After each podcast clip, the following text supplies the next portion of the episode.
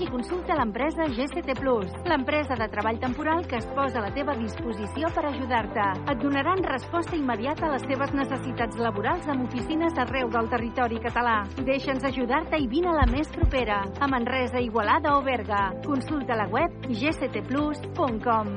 Empresa col·laboradora amb el Miliarum Montserrat 2025. Bàsquet a Ràdio Manresa. L'equip encapçalat per Carles Coder i Josep Vidal t'ho expliquen tot el detall, amb prèvies, narracions, entrevistes i anàlisi de cada partit. 95.8 FM, radiomanresa.cat i aplicacions per iOS i Android. Aquest diumenge, a partir de les 12 del migdia, Surne Bilbao Bàsquet, Baxi Manresa. Amb el patrocini d'Equívoc Albert Disseny, la taverna del Pinxo, Expert Joanola Fotomaton, Control, Frankfurt Cal Xavi, GST Plus, Viatges Massaners i Clínica La Dental Doctora Marín. Hora 14. Catalunya Central. Tània Rodríguez. Què tal? Molt bon migdia. Estem a 10 graus de temperatura al centre de Manresa i nosaltres comencem aquest informatiu en plana social. Un home va morir atropellat aquest dilluns a la C55 al punt quilomètric 17,2 a Castellvell i al Vilar, segons que ha informat el Servei Català de Trànsit. Els Mossos d'Esquadra van rebre l'avís del sinistre viari quan faltaven dos minuts per les 7 de la tarda. Per causes que encara s'estan investigant, un vianant va creuar la carretera i va ser atropellat per un turisme. A causa de l'accident, l'home, ARS, de 74 anys i veí de Granada, va morir. Aquesta és, doncs, la primera víctima mortal en accident de trànsit d'aquest any a les carreteres catalanes.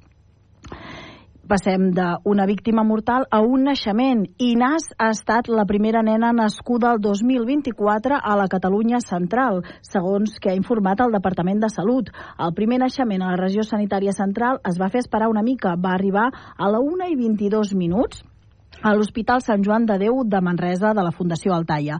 El nadó va pesar 3 quilos 340 grams en el moment del part. Els seus pares, el Rashad Oda i Abderrahim, juntament amb el germà de 3 anys, viuen a Manresa. I el primer nadó de tot Catalunya d'aquest any ha estat el Jacob, que va néixer a la Seu d'Urgell, quan passaven tan sols un minut de la mitjanit. En aquest cas, el nadó, el Jacob, va pesar 2 quilos 630 grams. I continuem també amb bones notícies. La grossa de Cap d'Any ha repartit diversos premis a la Catalunya Central. És el cas d'un quart premi que es va vendre íntegrament a Manresa. Es tracta del número 8.300 que va ser premiat amb 10.000 euros per bitllet i que ha deixat un total de 4 milions i mig d'euros a la capital del Bages, on es van vendre les 45 sèries d'aquest número. I un dels altres premis que ha caigut a casa nostra ha estat un cinquè premi amb el número 34.975 distribuït a Porreig, al Berguedà, en aquest cas es van vendre set participacions. Va ser en un bar de Porreig, el bar l'administració Porreig. I la sort també va somriure a la localitat de Santa Maria d'Oló, al Moianès, on es van vendre 111 participacions d'una butlleta del tercer premi del sistema doble, en aquest cas amb el número 3.547, i a Puigcerdà, on es van vendre participacions d'un altre tercer d'aquest sistema, de la doble, en aquest cas el número 17.520.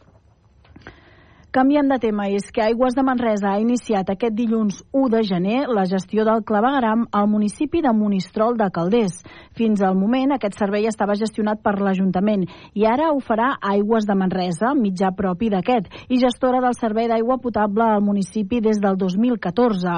La gestió del servei de, de clavegaram es farà només al nucli del municipi i en quedarà exclosa la zona de la masia d'en Solà. I relacionat també amb l'aigua, el Consell Comarcal del Bages ha acabat la construcció del nou dipòsit d'aigua que ampliarà la reserva pel subministrament als municipis de Vinyó, Artés, Sallent i Calders. És una infra infraestructura amb capacitat de 2.000 metres cúbics que ha de reforçar la reserva del sistema comarcal d'abastament d'aigua potable en alta, Bages, Llobregat i que s'ubica al terme municipal de Sallent. Passem ara a plana cultural. Fonollosa ha recuperat La nit viva, un espectacle que recrea la vida a pagès de fa més d'un segle i on hi participen més de 170 persones de les poblacions de Fonollosa, Camps, Aguilar de Sagarra, Castelltallat i Rodalies, que fan de figurants en 40 escenes per carrers interiors de cases centenàries del Raval del Sastre de Fonollosa. La nit viva ha retornat al calendari d'esdeveniments nadalencs després d'un parèntesi de 3 anys a causa de la pandèmia. Escoltem l'alcalde de Fonollosa, l'Eloi Hernández. Fa tres anys vam haver d'aturar la nit viva d'aquí a a causa de la Covid. Ha costat tres anys poder reemprendre una altra vegada aquesta tradició, que ja porta 14 edicions celebrant aquí al poble de Fonollosa. Eh, l'any passat ja vam estar a punt i aquest any doncs, ha esdevingut ja una altra vegada a tornar a fer aquesta nit viva amb un èxit brutal de públic, senyal doncs, que la gent també en tenia ganes, tant dels actors i els figurants i tots els col·laboradors de participar-hi i tirar-hi endavant, com la gent de venir-la a veure. La nit viva d'aquest any ha comptat amb novetats tant pel que fa pel recorregut com també amb escenes noves. Un recorregut que transcorre per interiors però també per carrers i camps on els visitants van trobant escenes diferents com el Batre, el Mercat, la Bugada i en finalitzar aquest recorregut es reparteix pa per torrar amb cansalada i allioli de codony per tothom. I continuem en plana cultural i amb actes nadalencs. En aquest cas, les primeres representacions dels pastorets han tornat a omplir el Teatre dels Carlins de Manresa. Una representació que enguany ha tornat a estar, a estar dirigida per Pere Font. Com és habitual, la primera de les representacions va ser per Sant Esteve, però també s'ha pogut veure el 29 i 30 de desembre i l'1 de gener. I les darreres funcions seran aquest cap de setmana, el 6 i 7 de gener.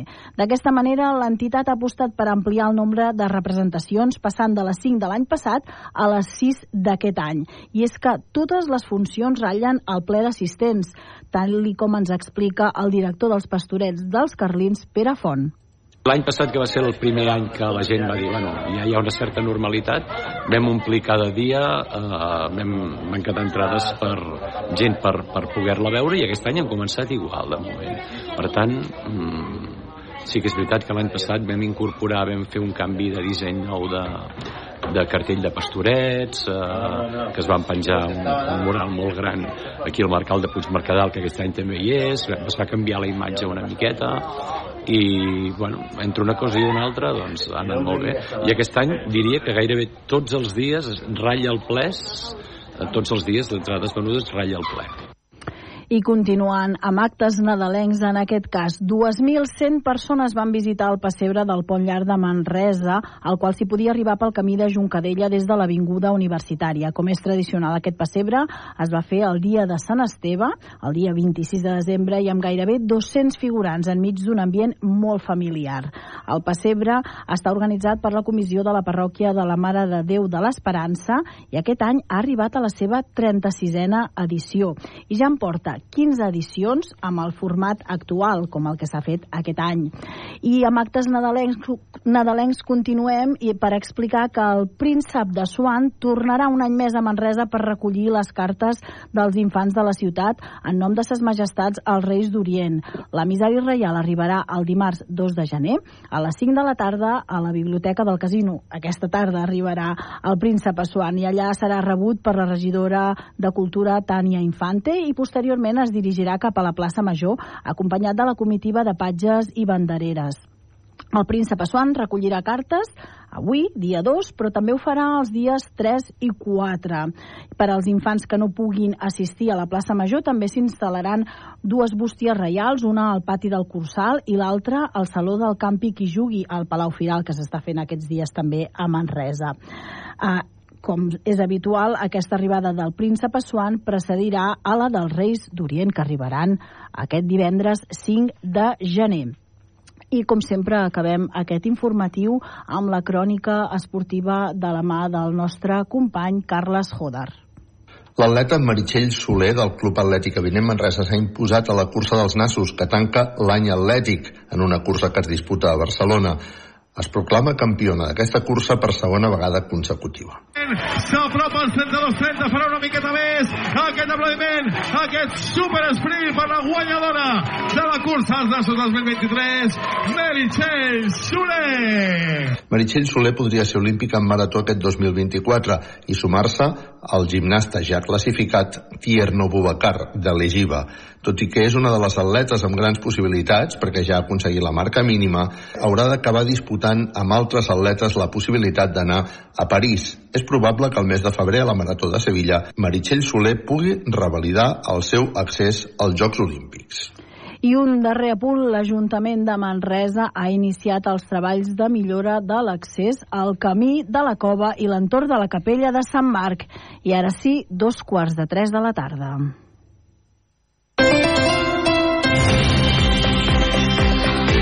Hora 14. El láser. Con, Javi con Javier Casal. Dos y media, una y media en Canarias. A esta hora varios sonidos de este segundo día del 24. La reaparición primero con victoria de Rafa Nadal tras casi un año fuera de las pistas. Y no le va a hacer falta más. La sonrisa del que vuelve a ganar. Se acerca al micrófono. Rafa, vamos a escuchar las impresiones de Nadal. Thank you so much. Today is uh, honestly uh, an emotional and important day for me, no? After uh, Emocionado, regreso y victoria aplastante ante Team en Australia. Las tres, la vuelta de Nadal en Ser Deportivos con Paco Hall. Otras dos fotos de este martes. Una es esta, el coche, el choque de los dos aviones en el aeropuerto de Tokio. Uno de los aviones se ha incendiado completamente y esta es la tranquilidad, la calma sorprendente del pasaje en el interior, a pesar de que el aparato terminó envuelto en llamas. Aunque la imagen, la tercera imagen feliz sin duda del día, es esta.